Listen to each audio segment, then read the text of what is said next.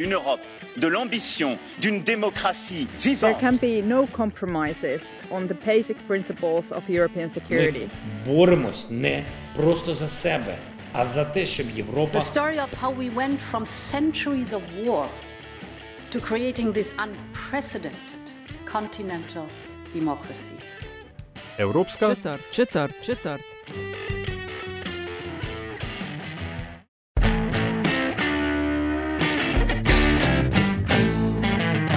You are listening to a podcast on all things European, a podcast we call European Quarter and is part of Metina lista media network based in Slovenia. My name is Nataša Briški and I am one half of the podcast team.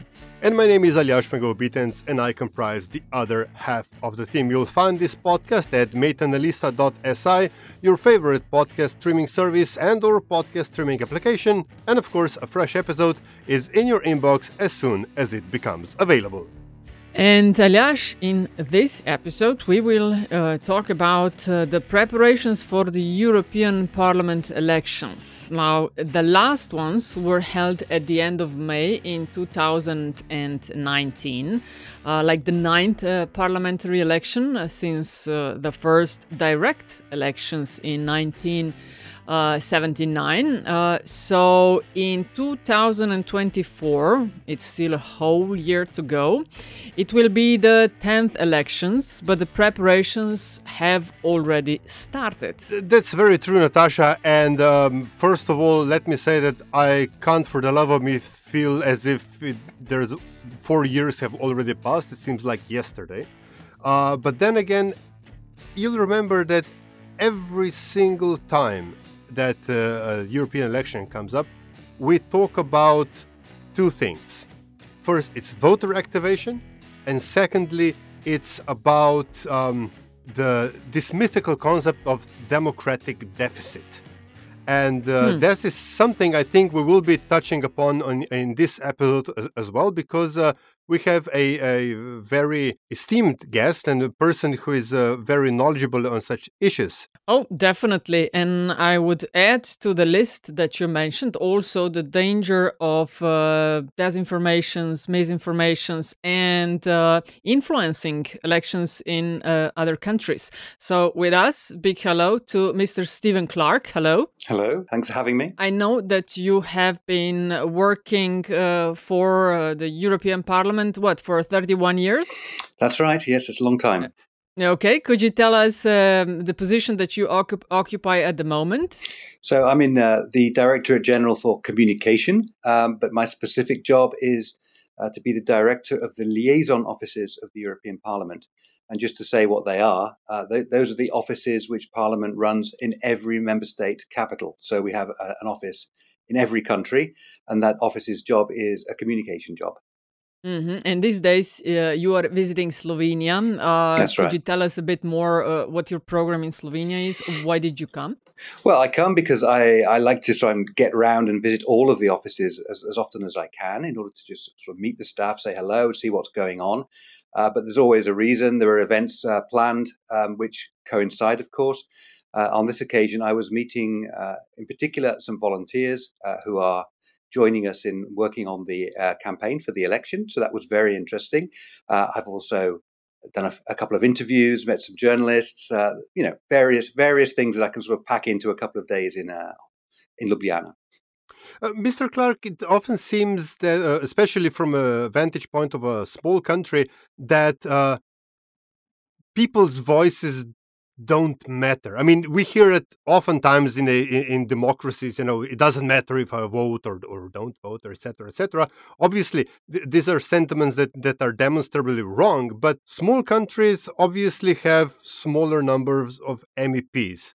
However, proportion-wise, they have more influence in the parliament uh, uh, uh, than bigger countries who have fewer MPs per capita than smaller countries. So what, what I'm actually trying to, to ask is, I mean, in this upside down world of perception versus reality in terms of European democracy, you have your job cut out for you. Uh, yes, we do. Um, but yes, you're right that uh, smaller countries proportionally um, elect uh, well, fewer electors elect each MEP. So at the largest country in Germany, I, I, can't do the figures in my head now, but it's it must be approaching a million voters per MEP, as it were. And Slovenia, a country with two million people, elects is it eight? Eight, eight I think, eight, yes. Eight members. Uh, so yeah, I mean, do the sums yourself. There's there are far fewer Slovenians electing every MEP, but of course, um, you also have to bear in mind that the, the parliament doesn't work along national lines. It's not as if the Slovenian MEPs all go to Brussels and sit together in a block. Uh, they sit with their political groups, their political families, uh, and normally vote um, along along the lines that their political group votes. So, you know, they can be as influential as any other member um, in the House. They can pick up um, what we call rapporteurships, which means they're responsible for guiding a particular piece of legislation through the House, that kind of thing. So there is, you know, there is a genuine possibility to influence things, even for uh, members coming from smaller countries. That's that's um, there's no question about that. But the perception is, of course, that uh, Europe is often perceived as something a little bit far away. Um, and our job as communicators for the European Parliament is to try and, and bridge that gap and explain to people that this uh, this Parliament does represent them in a very direct way, and what Parliament decides and does affects them in a very direct way. And you know there there are all kinds of examples of that, and in fact, it's becoming in some senses it's becoming less difficult to demonstrate that fact these days uh, as we go through everything that we've been going through over the last uh, decade or so. You know, I can I can name a succession of crises that have affected Europe, um, but one thing these have done, apart from be bad news in all kinds of ways, uh, is that they've helped people understand the importance of, of concerted European action to deal with these crises. So, I mean, COVID is a is a perfect example. I mean, it was a disaster, uh, pretty much all around, um, but the way it was dealt with um, was a, a, great example of how European countries come together and act through the European Union to do something which is to the good of all. And the, the vaccine program, uh, as I've, as I've heard many times, especially from people from smaller countries, um, produced a sort of an equity across Europe that maybe wouldn't have been there elsewhere. You know, um, people from smaller countries have often said to me, "Well, look, you know, if it hadn't been for the European Union, I'm sure the you know the larger countries would have gobbled up all the vaccines first, and we'd have been left in the queue to the end." Uh, you know, so that's a kind of example. And of course, um, a more current example is what's going on in Ukraine. Um, the invasion of Ukraine um, is a threat not only to Ukraine, of course, but to to everybody that shares the values of democracy, um, open free speech, all the rest of it, everything that's under attack. And it's there again. I mean, it's easy to understand that uh, Europe needs to act as one, and I think that's that helps people see the connection between themselves, between their country, large or small as it might be, uh, and the European Union. We are still um, more than a year away from the elections, so we don't have the exact date. Uh, actually, when uh, are the voters uh, to um, be informed about the exact date? Uh, you asked yeah. me a question I don't know the answer to exactly. It's coming. it's coming up. The process. I was actually sitting in a meeting in the Parliament of uh, of all the party, the group leaders sure. the other day, and they were discussing the date that Parliament will recommend to the uh, to the council who has to decide this. Um, and it looks like the parliament at least was going to recommend the 20 it, it's the period at the end of may it's the 23rd to the 26th i think of may mm-hmm. uh, it's the thursday to the sunday um, the council still has to decide on the on the exact date but it'll be around that time so we know mm-hmm. basically when it's going to be but obviously the sooner we get a date the better because we can start talking about it and uh, sure. you know we'll be concrete be able to be concrete about that Sure, yeah. Uh, to be totally honest, uh, probably the voters in most, uh, if not all of the countries will start paying attention, uh, you know, a couple of weeks before. But uh, you and your team and many people who will be involved in uh, preparations have already started. could you tell us what does that include? What are you doing like in March, April of 2023?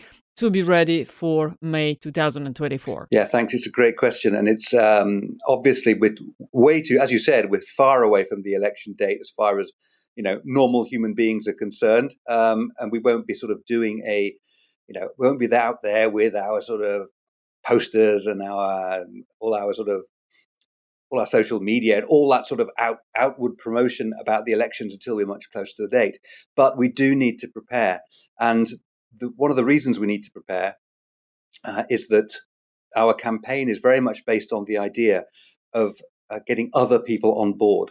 Um, you know, it's it's it's sort of part of modern campaigning that you don't. Um, it's it's no good to sit in the in headquarters wherever that might be, uh, and sort of just send out messages and expect people to stop and listen to you and, and give you all the credit. You know, institutions um, aren't necessarily as trusted as they once were. Um, people listen to different voices in a in a fragmented um, media and communications landscape. So we want to get lots of other people on board. Uh, and that's what it's all about this year. It's about building up those networks. It's about getting people who are interested to work with us, people who share our values about democratic participation and ultimately, therefore, also about voting. Um, and I, mentioned just now I was in I was in town to talk to a group of uh, volunteers. These are people who have joined us through a network called Together.eu that we run. Um, and have said to us, yes, we'd like to get involved. We'd like to be part of it. Uh, we believe in, in you know, democratic engagement too.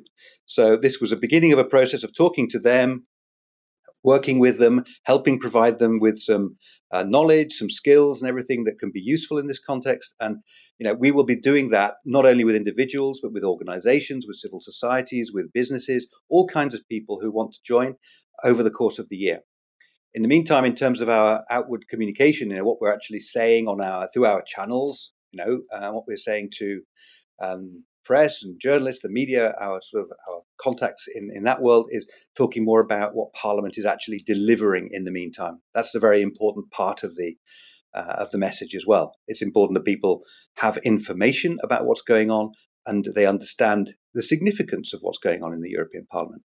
Um, your part of the job uh, of this um, general voter outreach, shall we say, is uh, decidedly non-political, obviously, for for obvious right. reasons. But um, since the idea is to get people interested in, let's say, I don't know, policy platforms or initiatives which are decidedly political issues, aren't you in a bit of a you know tight spot here because you seem to be doing things that European political parties or party families should be doing. That is to say, engage voters and uh, make them vote for them, so to speak. Whereas you're supposed to do everything of that and yet have your hands tied. What is it that you can do and how do you go about it? Yeah. Well, this to be frank, this is the bread and butter of our job. It always is. We have to we have to walk this line uh, between talking about the politics of Parliament and what's going on and what the Parliament is doing. Uh, at the same time, without being political about it, and um, we have we are we constantly talk to the political groups, all of them in the European Parliament. We explain to them what we're doing, and they, of course, they will react to us and, and give us their opinions. Not that they they will tell us what to do, but it's um, we just need to understand each other. Um, in a recent discussion, such a discussion happened just this week, indeed the latest one, and you know the, the question came up of well, how do we how do we decide which topics we talk about?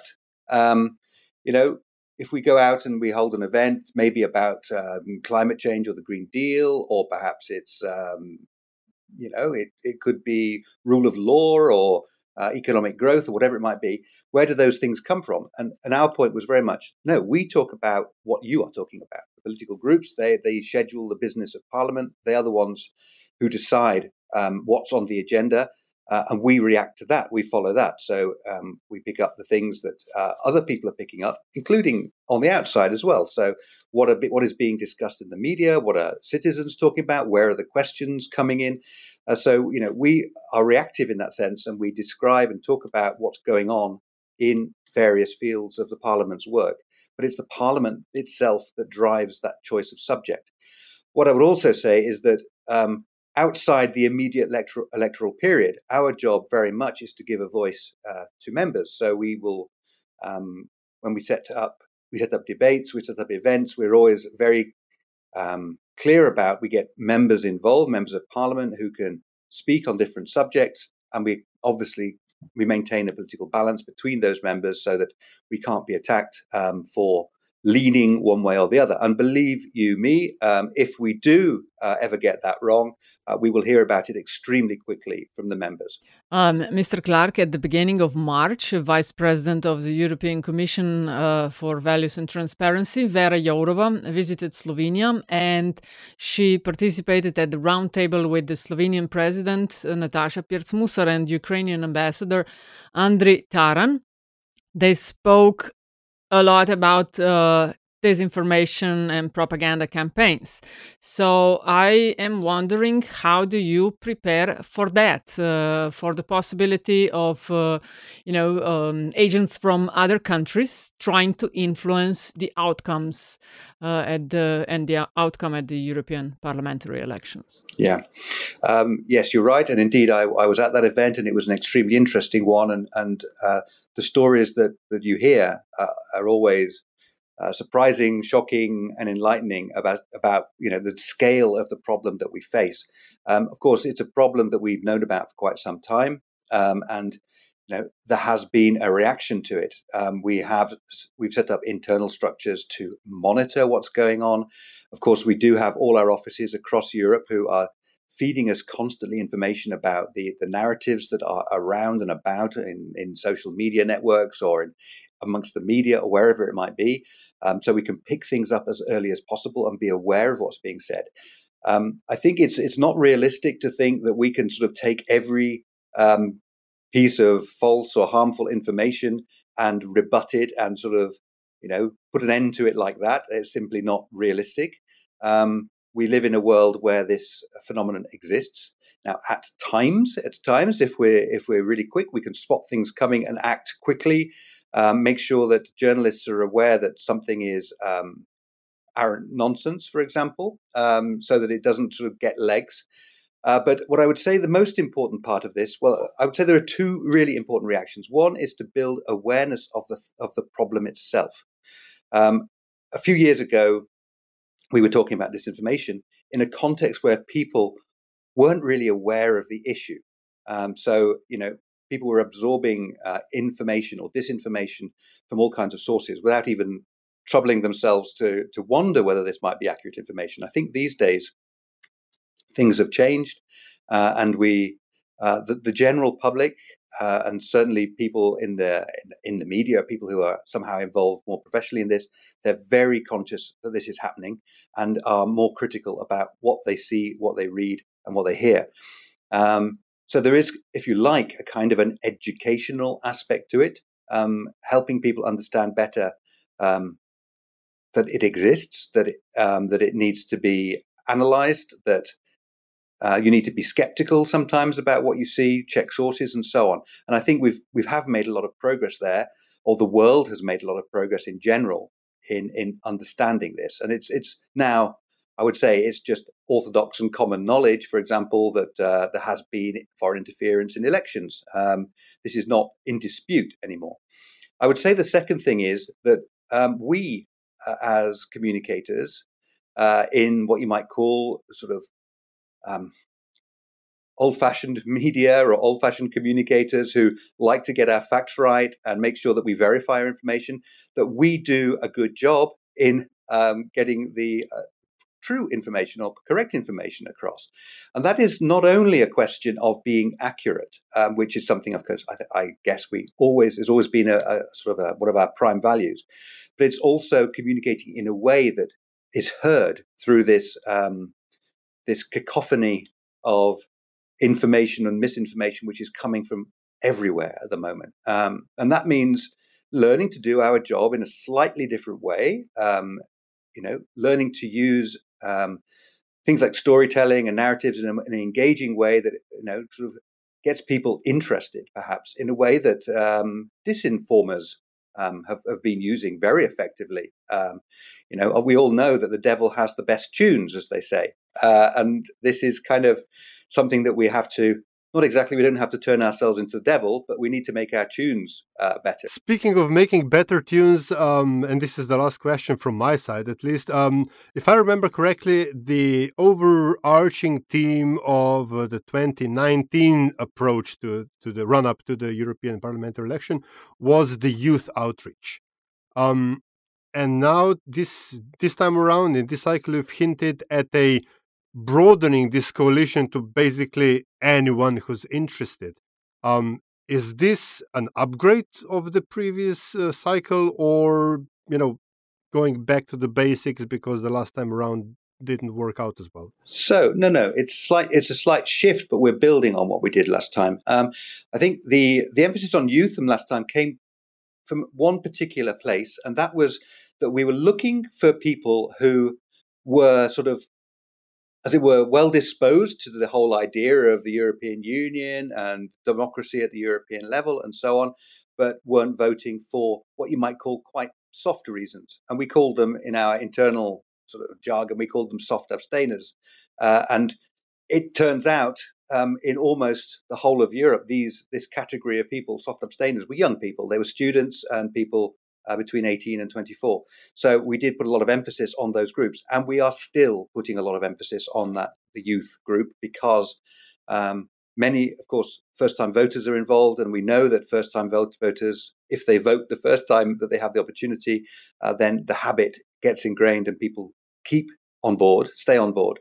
Uh, but it's also a question of context. We don't want it to be about, it shouldn't be about Europe. This is an election which is about um, about how Europe, where Europe goes. Um, you know, the, the, whole discussion of for or against Europe actually is becoming, in my view, something of a view of the, uh, a thing of the past, and for reasons that we've already discussed today. Um, that you know, the it's, it's self-evident that we need this level um, in our in our system, uh, and it needs to work well. The question really is how to make it work as well as possible. Uh, so this time we feel that um, the, the theme of the campaign is more about democracy. It's more about values. It's about uh, the things that we share, and it's we're looking for people, anybody who's interested in those areas. And I think that's many, many people. It's certainly people who are um, engaged. They may be people who are not particularly fond of the, the European Union institutions. That's fine. As everyone has their right not to be fond of us. Um, but it's uh, it's about people who are interested and willing to get on board and be part of the discussion. So we are sort of broadening this, and actually, this means uh, very in a very concrete way that we need to be um, getting out and about more. We need to be in in the regions of our countries. Um, I mean, we've always tried that, but we're making a really important concerted effort to do that this time to get more out of capital cities where we personally are based and through the networks, through the people we work with, have a greater presence and get a message across at a more local level and do it in a way which responds to people's concerns locally. And, and that's what the liaison offices of the Parliament are all about. And it's what the networks that they are building is all about as well. So, what you just described, so the lessons learned from 2019.